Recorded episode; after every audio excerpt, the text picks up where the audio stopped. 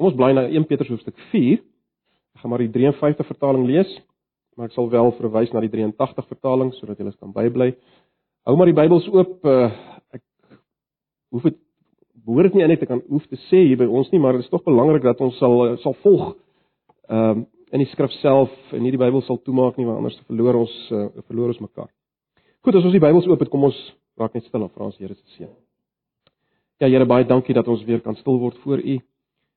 Dat ons na U kan kom net soos ons is, U wat ons ken, ons kan niks voor U wegsteek nie. U weet alles, maar Here, ons kom met vrymoedigheid na U net op grond van dit wat U in ons plek gedoen het.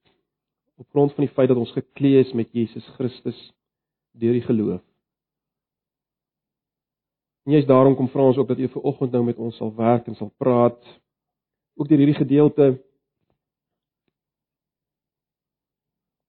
gedeelte wat ook geskryf is vir u kinders in die eerste plek baie baie jare gelede wat onder intense vervolging deurgegaan het. Here wil u ook vanoggend vir ons daardeur iets sê deur die werking van die Gees in die woord asseblief. Ek wil vanoggend bid vir elkeen in ons midde wat siek is en swaar kry. U vir hulle in hierdie oggend sal versterk en sal bemoedig en sal deerdra. Asseblief, ons vra dit in Jesus se naam. Amen. Goed, 1 Petrus 4, ons lees vanaf vers 1. Omdat Christus dan vir ons na die vlees gelei het, moet julle julle ook wapen met dieselfde gedagte dat wie na die vlees gelei het, opgehou het met die sonde. Nou die 83 vertaling praat maar net van liggaam in plaas van vlees en hy praat van met die sonde afgereken in plaas van opgehou met die sonde. Om die oorige tyd in die vlees of in die liggaam nie meer volgens die begeerlikhede van mense te leef maar volgens die wil van God.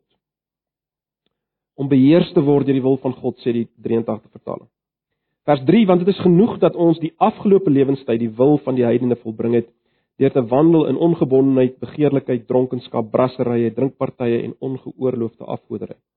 Daarom vind hulle dit vreemd as julle nie saamloop in dieselfde uitgieting van losbandigheid nie en hulle laster of hulle beswadder julle sê die 83. Hulle sal rekenskap gee aan hom wat gereed staan om die lewende en die dode te oordeel. Want daarom is ook aan die dode die evangelie verkondig sodat hulle wel geoordeel kan word na die mens in die vlees, maar lewe na God in die gees. Die uh, eh, 83 sê want daarom is ook aan die wat nou dood is die evangelie verkondig en hy sê eh, en dit sê hoewel hulle as mense onder die oordeel is na die liggaam om na die liggaam te sterwe hulle na die gees sou lewe ehm um, of na, na die gees sou lewe voor God voor God sou lewe. So ons lees net tot sover. in sy boek 100 Prison Meditations uh, skryf Richard Wurmbrand die volgende ek lees dit vir julle. Hy sê I have accepted this proposal.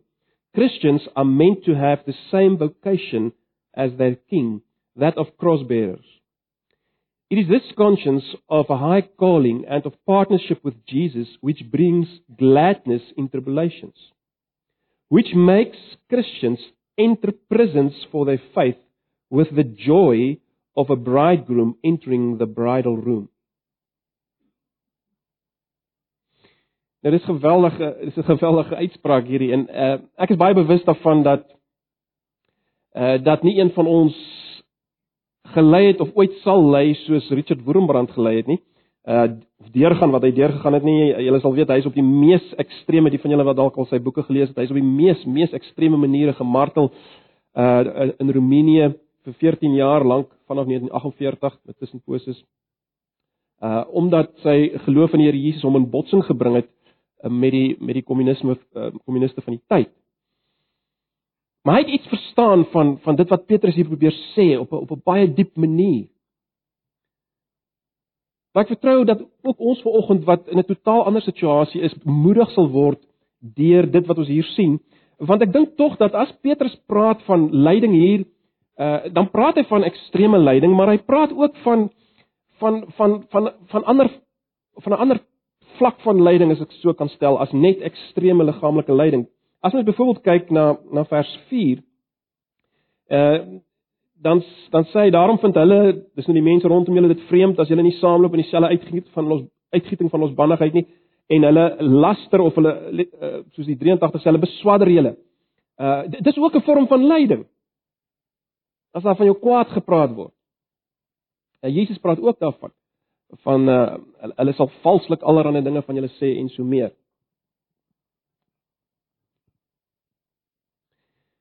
So ek dink tog ons almal kan bemoedig word deur dit wat ons hier sien. So kom ons kom ons staan nader aan hierdie gedeelte. Julle sal sien dat in vers 1 kom Petrus en hy sê omdat Christus dan vir ons na die vlees gelei het, moet julle ook julle ook wapen met dieselfde gedagte dat wie na die vlees gelei het opgehou het met die sonde en dan gaan hy so voort. Uh, ek wil net hê ons moet 'n bietjie kyk dink oor oor oor hierdie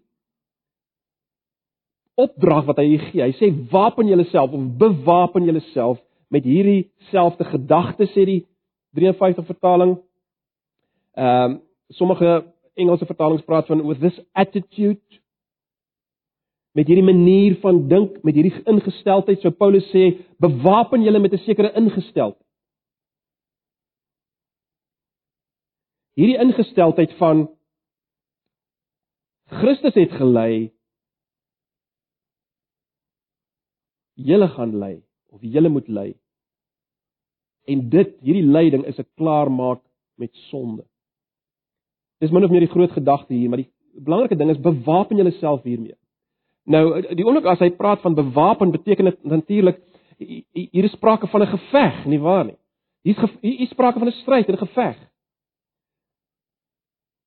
En die vyande is is maar die vyande waar waarvan die Bybel baie praat.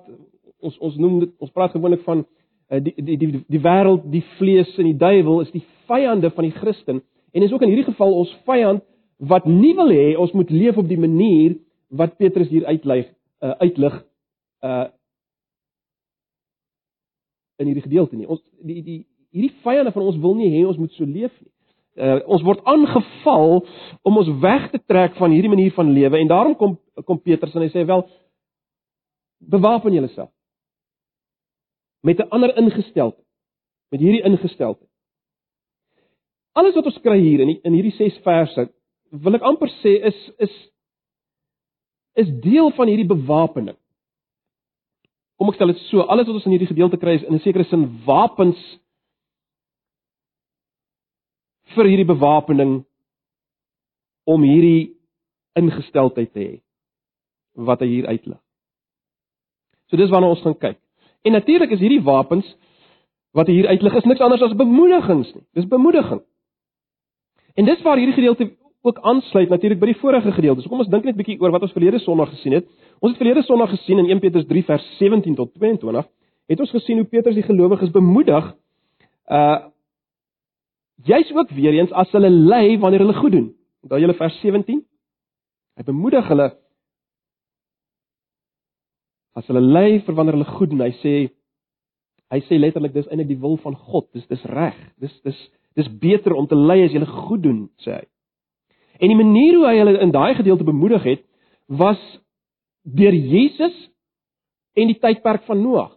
Uh, hy het hulle kom wys, kyk, as julle in die omgewing waar julle jouself bevind as vreemdelinge en bywoners, As jy staan vir die evangelie, as jy die evangelie bring vir mense, onthou Jesus verstaan dit, hy's met julle om die waarheid te sê. Uh hy weet wat dit is om vir mense te preek wat dit aflag. En ons het ons het mekaar gesê in daai gedeelte as mens mooi gaan kyk, kan mens dit so interpreteer dat Jesus deur die Gees letterlik die een was wat in Noag se tyd vir daardie mense deur Noag gepreek het, wat hulle nie gesteer het aan Noag se boodskap nie en maar uiteindelik verdelg is onder die oordeel gekom het van die sonvloed. En en en Petrus in in daai gedeelte in die vorige gedeelte wil wil sy lesers bemoedig daarmee. Hy wil hulle ook bemoedig dat kyk, as jy min is, wel in Noag se tyd was die ouens wat gered is ook baie min. Hulle was net 8. So wees bemoedig daardeur. Gaan nie nou alles herhaal wat ek daar gesê uh, wat wat ons verlede Sondag oor gepraat het nie. Maar dit is belangrik om te sien die die die aansluiting van die twee gedeeltes bymekaar. Daar's ook baie dis ook baie interessant. Uh daar's sekere verse wat sekere verse in die vorige gedeelte wat as te ware weer geëgo word in hierdie gedeelte. Ek gaan net uh, twee uitlig. In 1 Petrus 3 vers 18 in die 53 vertaling uh word daar gepraat van Jesus wat gedood is na die vlees, letterlik, maar lewend gemaak is deur die Gees. Dis in 1 Petrus 3 vers 18. In die gedeelte wat ons nou vanoggend gelees het, in 1 Petrus 4 vers 6b, word gepraat van mense wat geoordeel kan word na die mens of na die mens in die vlees, maar lewe na God in die Gees. Jy kan baie duidelik sien daar's 'n daar's 'n daar's 'n groot ooreenstemming. En dan in 1 Petrus 3 vers 19, daai moeilike gedeeltetjie, uh sal julle onthou daar word gepraat van prediking wat plaasgevind het teenoor die geeste in die gevangenis. Dis die dis die letterlike vertaling. Op die oppervlak lyk dit asof daar gepreek is vir ouens wat dood is. Ons het wel vir mekaar gesê ons moet dit waarskynlik interpreteer dat uh hulle nou dood is en in die gevangenis is, maar toe daar vir hulle gepreek is, was hulle lewend in die tyd van van van Noag. Maar die, maar op die oppervlak lyk dit daar's gepreek vir ouens in die gevangenis en daai gevangenis is baie duidelik uh die gevangenis vir die oordeel mense wat dood is op die oppervlak. Dis wat ons kry in 1 Petrus 3 vers 19. As ons kyk na 1 Petrus 4 vers 6a soos dit in die 53 vertaling is, word daar ook gepraat van die evangelie wat aan dooies verkondig is. sien julle dit? Die evangelie is aan dooies verkondig. Die 1983 uh, uh, interpreteer dit natuurlik aan ouens wat nou dood is. Maar net so op die oppervlak die evangelie is aan dooies verkondig. Maar goed. Julle sal sien daar's daar's ooreenstemming tussen die twee gedeeltes. Daar's dinge wat by die vorige gedeelte kom wat wat hier min of meer dieselfde klank het. Maar nou gaan Petrus verder in hierdie gedeelte in 1 Petrus 4. Hy wil die Christene nie net bemoedig om vas te staan as hulle die evangelie bring nie en bemoedig hy wil nie net hulle bemoedig deur die feit dat Jesus met hulle is ehm um, dat dit in die verlede in die tyd van Noag ook min ouens was wat gered is en so meer nie. Hier wil hy hulle spesifiek bemoedig en aanmoedig om as te ware lyding te kies om lyding vir die evangelie, watter vorm dit ook al mag aanneem, te sien as iets goeds. Iets wat voordelig is vir jou as Christen. En hy kom gee sy wapens juis om om sy lesers te help om hierdie lyding te kies. Hy kom gee die bemoedigings om hulle daarmee te help. Uh as jy wil om hulle voor te berei soos mense 'n soldaat voorberei vir 'n vir 'n geveg waarna hy ingaan. So kom ons kyk na hierdie hierdie wapens. En die eerste wapen of bemoediging is bloot dit. Vers 1: Christus het gelei. Ek wil dit net so beskryf. Christus het gelei. Dis die eerste bemoediging. Ehm um, ons lees in vers 1: Omdat Christus dan vir ons na die vlees gelei het, moet julle julle bewapen ehm uh, met hierdie gedagte dat uh, die wat gelei het na die vlees gelei het opgehou het met sonde. Maar die belangrike punt net hier ehm uh, eerste bemoediging is bloot dis dit Christus het gelei. Maar ons moet raak sien wat Petrus natuurlik besig is om te doen. Onthou hy het al in in in 3 vers 17 gesê, dis beter om te ly as jy goed doen. As wat dit is as as as as as wat dit is om te ly as jy kwaad doen. Uh daar's 'n voordeel in lyding as jy goed doen. Implisiet wil hy sê kies lyding as jy in daai situasie kom. Dit lyk vir my dis wat hy wil sê, kies lyding as jy in daai situasie kom. Die belangrike ding is dit is wat Jesus gedoen het. Hy hy wys na Jesus en ons weet, ons weet dat Jesus as mens kyk na Jesus, lyding het nie bloot oor hom gekom nie, Jesus het doelbewus dit gekies. Mens dink byvoorbeeld aan uh aan Johannes 10 vers 18 waar Jesus sê, niemand neem my lewe van my af nie, ek lê dit self af. Hy kies dit. Terloops, uh Jesus was ook in 'n stryd gewees. Hierdie ingesteldheid van Jesus het hom ook in 'n geveg gebring. Uh ek dink nou net byvoorbeeld aan daai gedeelte waar waar Jesus met die disippels gepraat het oor wat met hom gaan gebeur. Hy het gesê die seun van die mens moet baie ly en oorgelewer word en so meer. En dan sê Petrus vir hom: "Nee, nee, Here, dit mag nie. Dit kan nie wees nie. Ek kan nie, dit kan nie wees mag dit nie so wees nie." En dan draai Jesus om en hy sê: "Gaan weg agter my Satan, want jy bedink nie die dinge van God nie." maar die dinge van mense. Jy wil nie hê ek moet lyding kies nie, maar dis die pad. Dis die enigste pad. So Jesus het ook in 'n was ook in 'n stryd, ook 'n geveg om hierdie lewe te kies van lyding. En onthou nou uh, as ek reg is in hoofstuk 2 alreeds het Petrus daarop gewys dat ons volg Jesus se voetstappe na. En dis wat hy gedoen het. Jesus, die skepper van die heelal, die onderhouer onderhouer van alle dinge, die verlosser van die wêreld, die perfekte onskuldige een, die seun van God, het lyding gekies as sy roeping. En hierdie selfe Jesus roep ons om ons kruis op te neem om na te volg. So dis baie belangrik. Ons moet onsself in die eerste plek bewapen met daai wete, daai ingesteldheid. Jesus het gelei, hy het leiding gekies. En ons volg hom na. Ons volg in sy voetspore. Maar dit, dit bring ons by by die tweede wapen. En ek wil dit so verwoord, wanneer jy kies om te lei of wanneer jy lei, kies jy om sonde te los.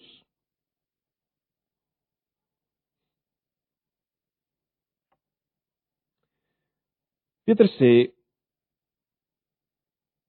Omdat Christus dan vir ons na die vlees of na die liggaam gelei het, moet julle julle ook wapen met dieselfde gedagte dat wie na die vlees gelei het, opgehou het met die sonde. Dis wat die 53 vertaling sê. Opgebou het met die sonde of die 83 vertaling met die sonde afgereken het. Dit is 'n dis 'n moeilike gedagte. Maar dit lyk vir my dit beteken dat as jy God genoeg vertrou om te lei vir wat goed is, soos 3 vers 17 dit stel, dan het jy teen sonde gekies. Met ander woorde, implisiet sê Petrus, kies lyding, want as jy dit nie doen nie, sal jy sonde kies.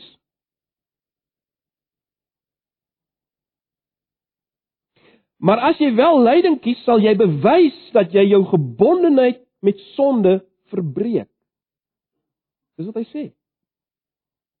En dan word kry die gedagte, die doel, die voorneme in jou kop as Christen dat Christus dit werd is om voor te lê en leef daai oortuiging uit.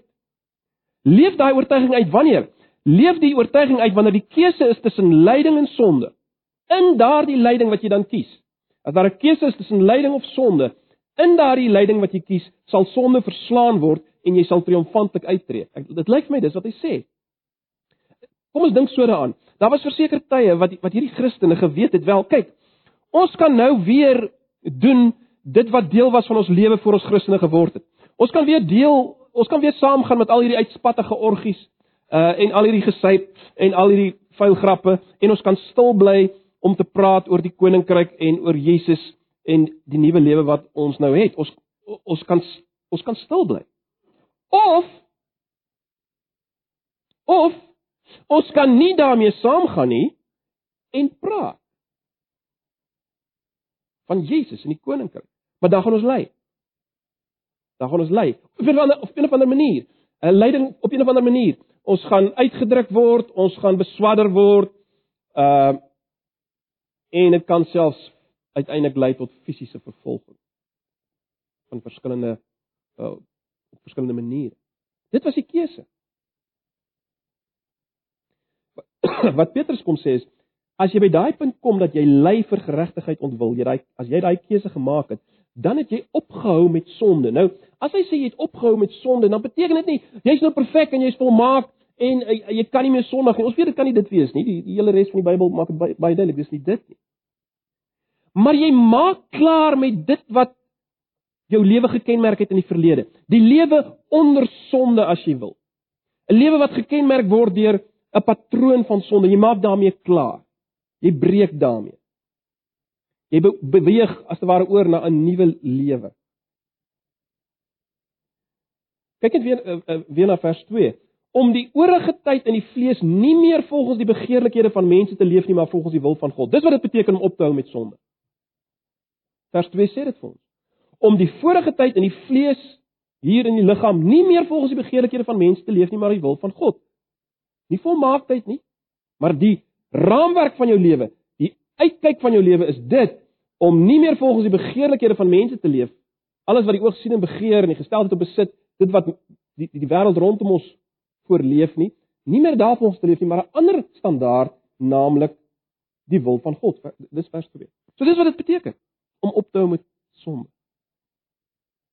as jy lyding gekies het. Met ander woorde om dit anders te stel, wanneer jy ly vir wat reg is, is dit 'n teken dat jy hierdie begeertes verwerp het en die wil van God omhels het met sy hoër waarde. Dis 'n teken dat jy sondige menslike begeertes verwerp het en die wil van God omhels het as die hoër, die beter ding. So bewapen julle met hierdie gedagte. Daar's natuurlik meer hier. As mens daaraan dink dat hy wys op Jesus uh Jesus het gelei en Jesus is klaar met sonde in die sin uh, uh nie dat hy ooit gesondig het nie, maar hy hy het vir eenmaal klaar gemaak met sonde, die prys betaal vir sonde, klaar gemaak met sonde. Dis ook die gedagte in Romeine 6. So as jy gelei het en jy is klaar met sonde soos ons dit nou gesien het in die sin waarin ons nou gesien het. Wel jy is een met Jesus en dis die groot ding wat hy heeltyd wil druk.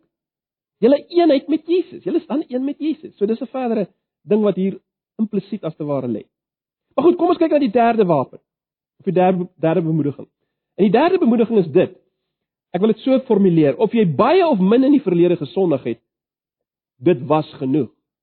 Of jy baie of min in die verlede gesondig het, dit was genoeg.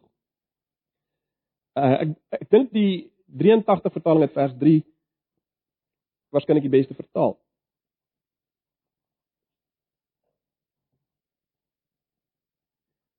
Die 83 vertaling lees so: In die verlede toe julle heidene was, is julle lewe lank genoeg beheers. En ek dink dis die regte gedagte as mens kyk ook na die Grieks. Is julle lewe lank genoeg beheers deur julle heidense begeertes, losbandigheid, welis, dronkenskap, swelg en drinkpartye en afskuwelike afgoderry. Dis 'n baie sterk stelling, né? Nee? Wat wat Petrus eintlik sê is die tyd wat verby is Wel dis genoeg tyd wat aan sonde bestee is. Oorgenoeg. Moenie meer dit doen nie. Ly as jy moet, maar moenie enige sonde meer doen nie. Bewapen julle met hierdie gedagte, enige hoeveelheid sonde in die verlede was genoeg. Met ander woorde, as jy as jy by wyse van spreke bietjie gesondig het voor jy tot bekering gekom het, wel dis genoeg. Jy kan nooit so min gesondig het dat jy kan sê kyk, ek het meer tyd nodig om daarom net 'n bietjie meer sonde te doen nie. By wyse van spreke. En, en ons ons lag as te ware daaroor, maar baie mense sê bewuslik of onbewuslik, ek weet ek moet regmaak met God. Ek weet ek moet breek met sonde, maar maar net nog so bietjie meer tyd. Net nog so bietjie meer tyd met sonde. Petrus sê wel, bewapen julle met hierdie gedagte, die tyd wat julle in sonde deurgebring het, dit was genoeg. Dis genoeg. Maak die breek. Kies die wil van God. Lei daarvoor as dit nodig is. Lei daarvoor as dit nodig is. En ek sê weer, die tipe van leiding baie interessant wat in hierdie konteks eh, ingebring word, uh, is dit wat ons in vers 4 kry. Uh wat sê daarom vind hulle dit vreemd as julle nie saamloop in dieselfde uitgieting van ons bandigheid nie en hulle laster. Hulle beswadder julle sê die 83 vertaal. Kies daai leiding om om om om eerder beswadder te word. As jy nie saamgaan met al daai dinge wat hy hy daar noem nie. Ongebondenheid, begeerlikheid, dronkenskap, brastery, drinkpartye, ongeoorloofde afgoderry. In ons tyd is die ongeoorloofde afgoderry moet ons dalk interpreteer as te veel tyd aan jou selfoon spandeer, maar goed, ek wil nie nou daarin gaan nie. Die punt is kies teen dit. Jy het genoeg dit in die verlede gedoen. Maak 'n breek, lei as dit moet. Hulle sal julle bespot en beswadder, hulle sal sê julle is dwaase. Maar dit is beter om dit te omhels. Soos Jesus dit gedoen het. As wat dit is om sonde te kies. Dis wat dis wat Petrus sê. Jy het genoeg tyd daaraan spandeer. Dit was genoeg. Wapen jouself met daai gedagte. Dis genoeg. Dan die vierde wapen of bemoediging is dit. Ek wil dit so formuleer, julle teenstanders sal tot verantwoording geroep word. Dit word beskryf in vers 5, né? Nee. Hulle sal rekenskap gee aan hom wat gereed staan om die lewende en die dode te oordeel. Met ander woorde, wanneer jy ly op watter manier ook al vir geregtigheid, vir die waarheid, vir Christus, hoef jy jy nie self te wend tot tot wraak nie. Julle hoef nie die laaste woord te hê nie of die laaste kyk nie. God staan gereed om met alle onbetaalde rekeninge te handel en hy kan dit beter doen as jy. Dis wat Paulus, ag, Petrus sê. Vers 5: Hulle sal rekenskap gee aan hom wat gereed staan om die lewende en die dode te oordeel. Kyk, 'n groot versoeking vir ons wanneer ons onregverdiglik teenstand kry, lyding kry, verwerping kry is om om om om om self mense tot verantwoording te roep. Nou dan mag tye wees waar dit reg is. Ouers moet uh, gehoorsame kinders tot verantwoording roep. Die polisie moet uh, wetsverbrekers tot uh, verantwoording roep. Werkgewers moet dit soms doen met slap werkers. Uh, ouderlinge moet dit soms doen met uh, uh, in 'n gemeente met die uitvoering van dissipline. Maar die die meeste van die tyd as jy lei om geregtigheid ontwil, is dit God se wil dat jy nie self mense tot verantwoording roep nie, maar dat jy dit oorlaat aan hom wat absoluut regverdig oordeel. Dis wat Petrus ook sê in in 1 Petrus 2 vers 23.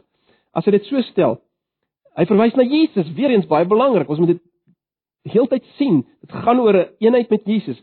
Hy sê in 1 Petrus 2 vers 22 en 23 Hy dis Jesus wat geen sonde gedoen het nie en in wie se mond geen bedrog gevind is nie, wat toe hy uitgeskel is nie terug uitgeskel het nie, toe hy gelei het nie gedreig het nie, maar dit oorgegee het aan hom wat regverdig oordeel. Dis wat Jesus gedoen het. Weerens die oproep onderliggend is is is maar net weer dit. Tree op soos hy opgetree het toe hy onregverdiglik beskuldig is. Bespot is gespoeg is, geslaan is, uiteindelik gekruisig is, het hy dit oorgegee aan God. Wees so. Natuurlik wil ons iets, daai iets in ons wil wil hê dat reg moet geskied. Dat dat daar so iets in ons, nê. Nee. En Petrus kom in vers 5 en hy sê wel dit dit, dit dat dat sal gebeur. Hulle sal rekenskap gee. Niks gaan onder die mat gevee word. Niks gaan onder die mat gevee word nie. Niks sal vergeet word nie en die regter sal God wees. Dis wat hy sê. En net voor ons dink dat die dood gaan iemand van oordeel red, sê Petrus wel, uh, God is reg om die lewende en die dode te oordeel. Daar's geen ontsnapping vir die sondaar nie. Die dood is nie 'n ontsnapping vir die sondaar nie. Hebreërs 9 vers 27 sê ons almal is bestem om eenmaal te sterwe en daarna die oordeel. En dan oor die die slegte daad wat gedoen is, mag lankal vergeet wees deur mense. Die slegte ding wat iemand gedoen het. Lank mense kan dit lankal vergeet. Die bekering wat nooit deurgevoer is nie. Mag vergeet wees deur mense. Uh dood mag kom na 'n baie lang en baie gemaklike en voorspoedige en welvarende lewe van sonde en in sonde. Maar dan kom die oord van God. God wat alles onthou. God wat alles weet, God voor wie alles openbloot is, né? Nee. So, die, die die punt wat Petrus wil maak is wanneer jy onregverdig ly en jy voel iemand kom weg met met moord. Los dit in God se hande. Los dit in God se hande. Hy sal die lewende en die dode regverdig oordeel. Bewapen julleself met hierdie gedagte sê Petrus. Dis beter om te ly as jy reg doen en om die oordeel aan God oor te laat. Dis die hele punt. En dan sy vierde wapen of bemoediging is dit. Ek wil dit so formuleer: Die wat die evangelie omhels, sal triomfeer oor die dood. En dit bring ons by vers 6. Vers 6 wat weer soos ek sê, 'n bietjie moeilik is as jy dit in die 53 lees, staan daar: "Want daarom is ook aan die dode die evangelie verkondig, sodat hulle wel geoordeel kan word na die mens in die vlees, maar lewe na God in die gees." Ek dink tog mense moet kies vir die die 83 vertaling wat sê want daarom is ook aan die wat nou dood is uh, die evangelie verkondig en uh wel hulle as mense onder die oordeel na die liggaam is gesterf het uh, is hulle nou na die gees lewend voor God en so meer.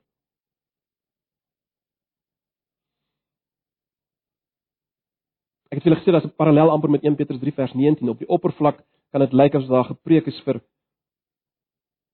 Daar gepreek word vir dooie ouens, die evangelie vir dooie, maar dit maak geen sin nie, nê, veral nie hier nie. So dit hier word definitief verwys na die evangelie wat wat gepreek is vir mense toe hulle gelewe het, hulle hulle het dit gehoor, nou het hulle gesterf Miskien as gevolg van geweldige lyding en vervolging.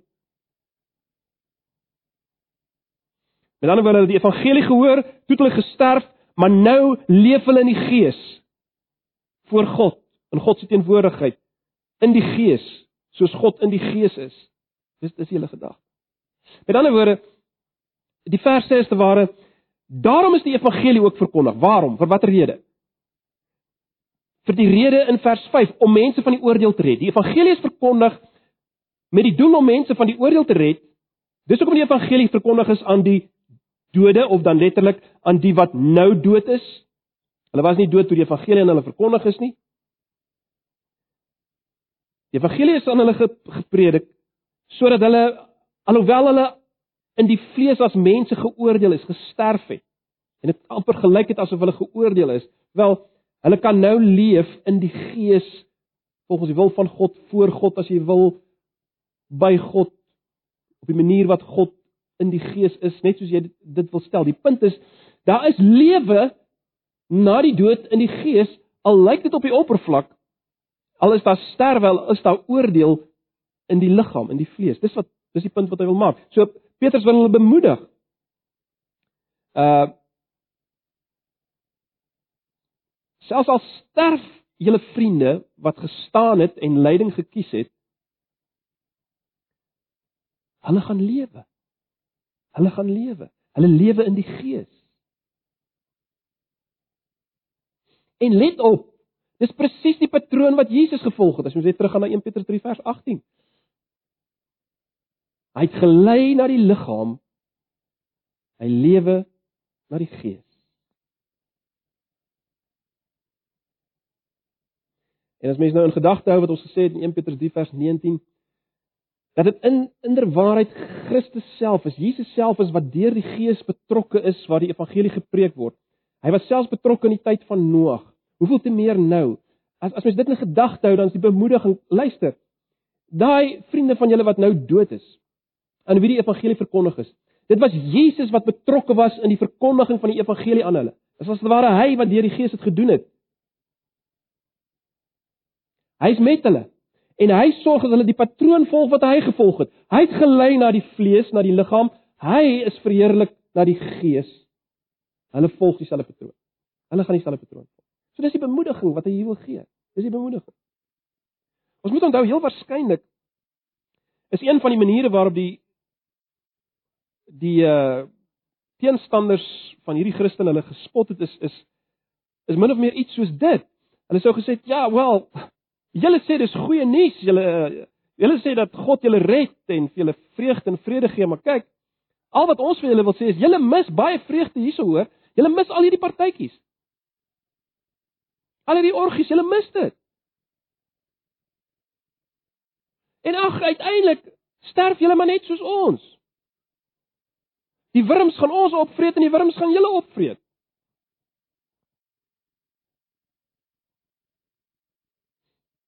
So, ons filosofie is eet en drink en wees vrolik want môre sterf jy. Eet en drink vrolik. Uh eet en wees vrolik. Môre sterf jy. So wat kom Petrus? Wat kom doen hy? Wel, hy hy kom gee vir vir sy lesers en en vir ons op 'n volgende vlak om gee hy hierdie hierdie wapen, hierdie bemoediging dat as dit gebeur, as dit gesê word, moenie vergeet nie. Ja, dit gaan lyk asof jy sterf net soos hulle. Dit gaan so lyk. Maar die evangelie is aan julle verkondig om julle te red van die oordeel.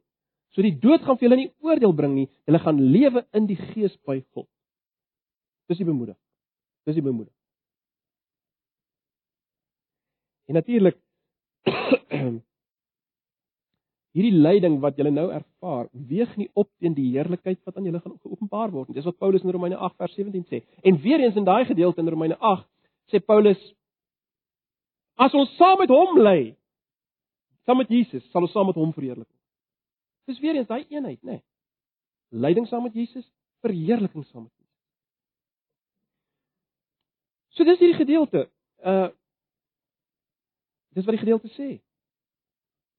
Onthou daar's geen veroordeling meer vir die wat in Christus Jesus is. So as ons net baie vinnig, miskien net 'n laaste opmerking maak. Hier's eintlik net een groot opdrag. Kry 'n ander ingesteldheid. Bewapen jouself met 'n ander ingesteldheid. 'n Ander ingesteldheid as wat die wêreld, die vlees en die duiwel vir julle wil voorsê. Kry die ingesteldheid dat die pad wat die Christen moet loop, weer eens is die pad van Jesus. maar dink aan wat Woerenbrand gesê het. Dis die pad van geweldige vreugde. 'n Intimiteit met Jesus wat ongekend is. Dis die pad. Ja, al, al weer eens al sal ons nooit kom by die by die by die by die vlak van lyding wat iemand soos Woerenbrand kom het nie. In jou situasie waar jy is, in al jou klein situasietjies waar jy jouself bevind. Bewapen jouself. Maak die keuse en jy sal iets beleef van hierdie eenheid met Christus. En ek dink dis die groot punt hier.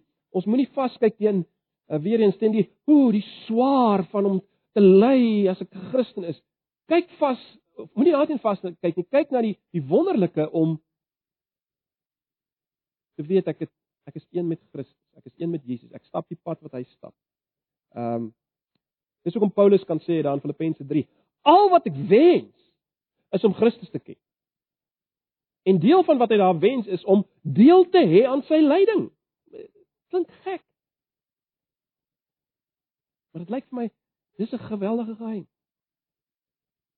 Dis 'n realiteit, 'n geestelike realiteit dat ons deel kry aan Christus hoe meer ons hierdie lyding beleef en ervaar. So broers en susters, dis min of meer wat hierdie gedeelte wil wil sê. So kom ons bedink dit, kom ons mediteer daaroor. Kom ons bemoedig mekaar. Ehm uh,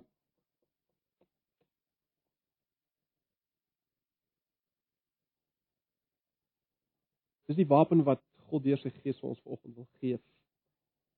Vir dit wat nog dit wat dalk nog mag kom op uh, vanoggend sit jy dalk hier en jy dink ag, maar hierdie hierdie gedeelte het niks vir my te sê nie. Ehm um, ek het eintlik nog nooit enige teenkanting ervaar omdat ek 'n Christen is nie. Wel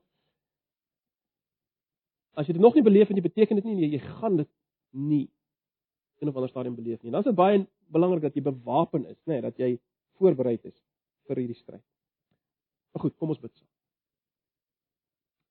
Ag Here, dankie vir die woord. Dankie vir hierdie wonderlike bemoedigings. Hierdie wonderlike wapens wat U vir ons gee. In hierdie geveg, die geveg om nie vir sonde te kies nie. Maar eerder lyding te kies. Ag Here, help ons, staan ons by deur U Gees asseblief. Ons vra dit in Jesus se naam. Amen. Kom ons sluit dit af met 'n laaste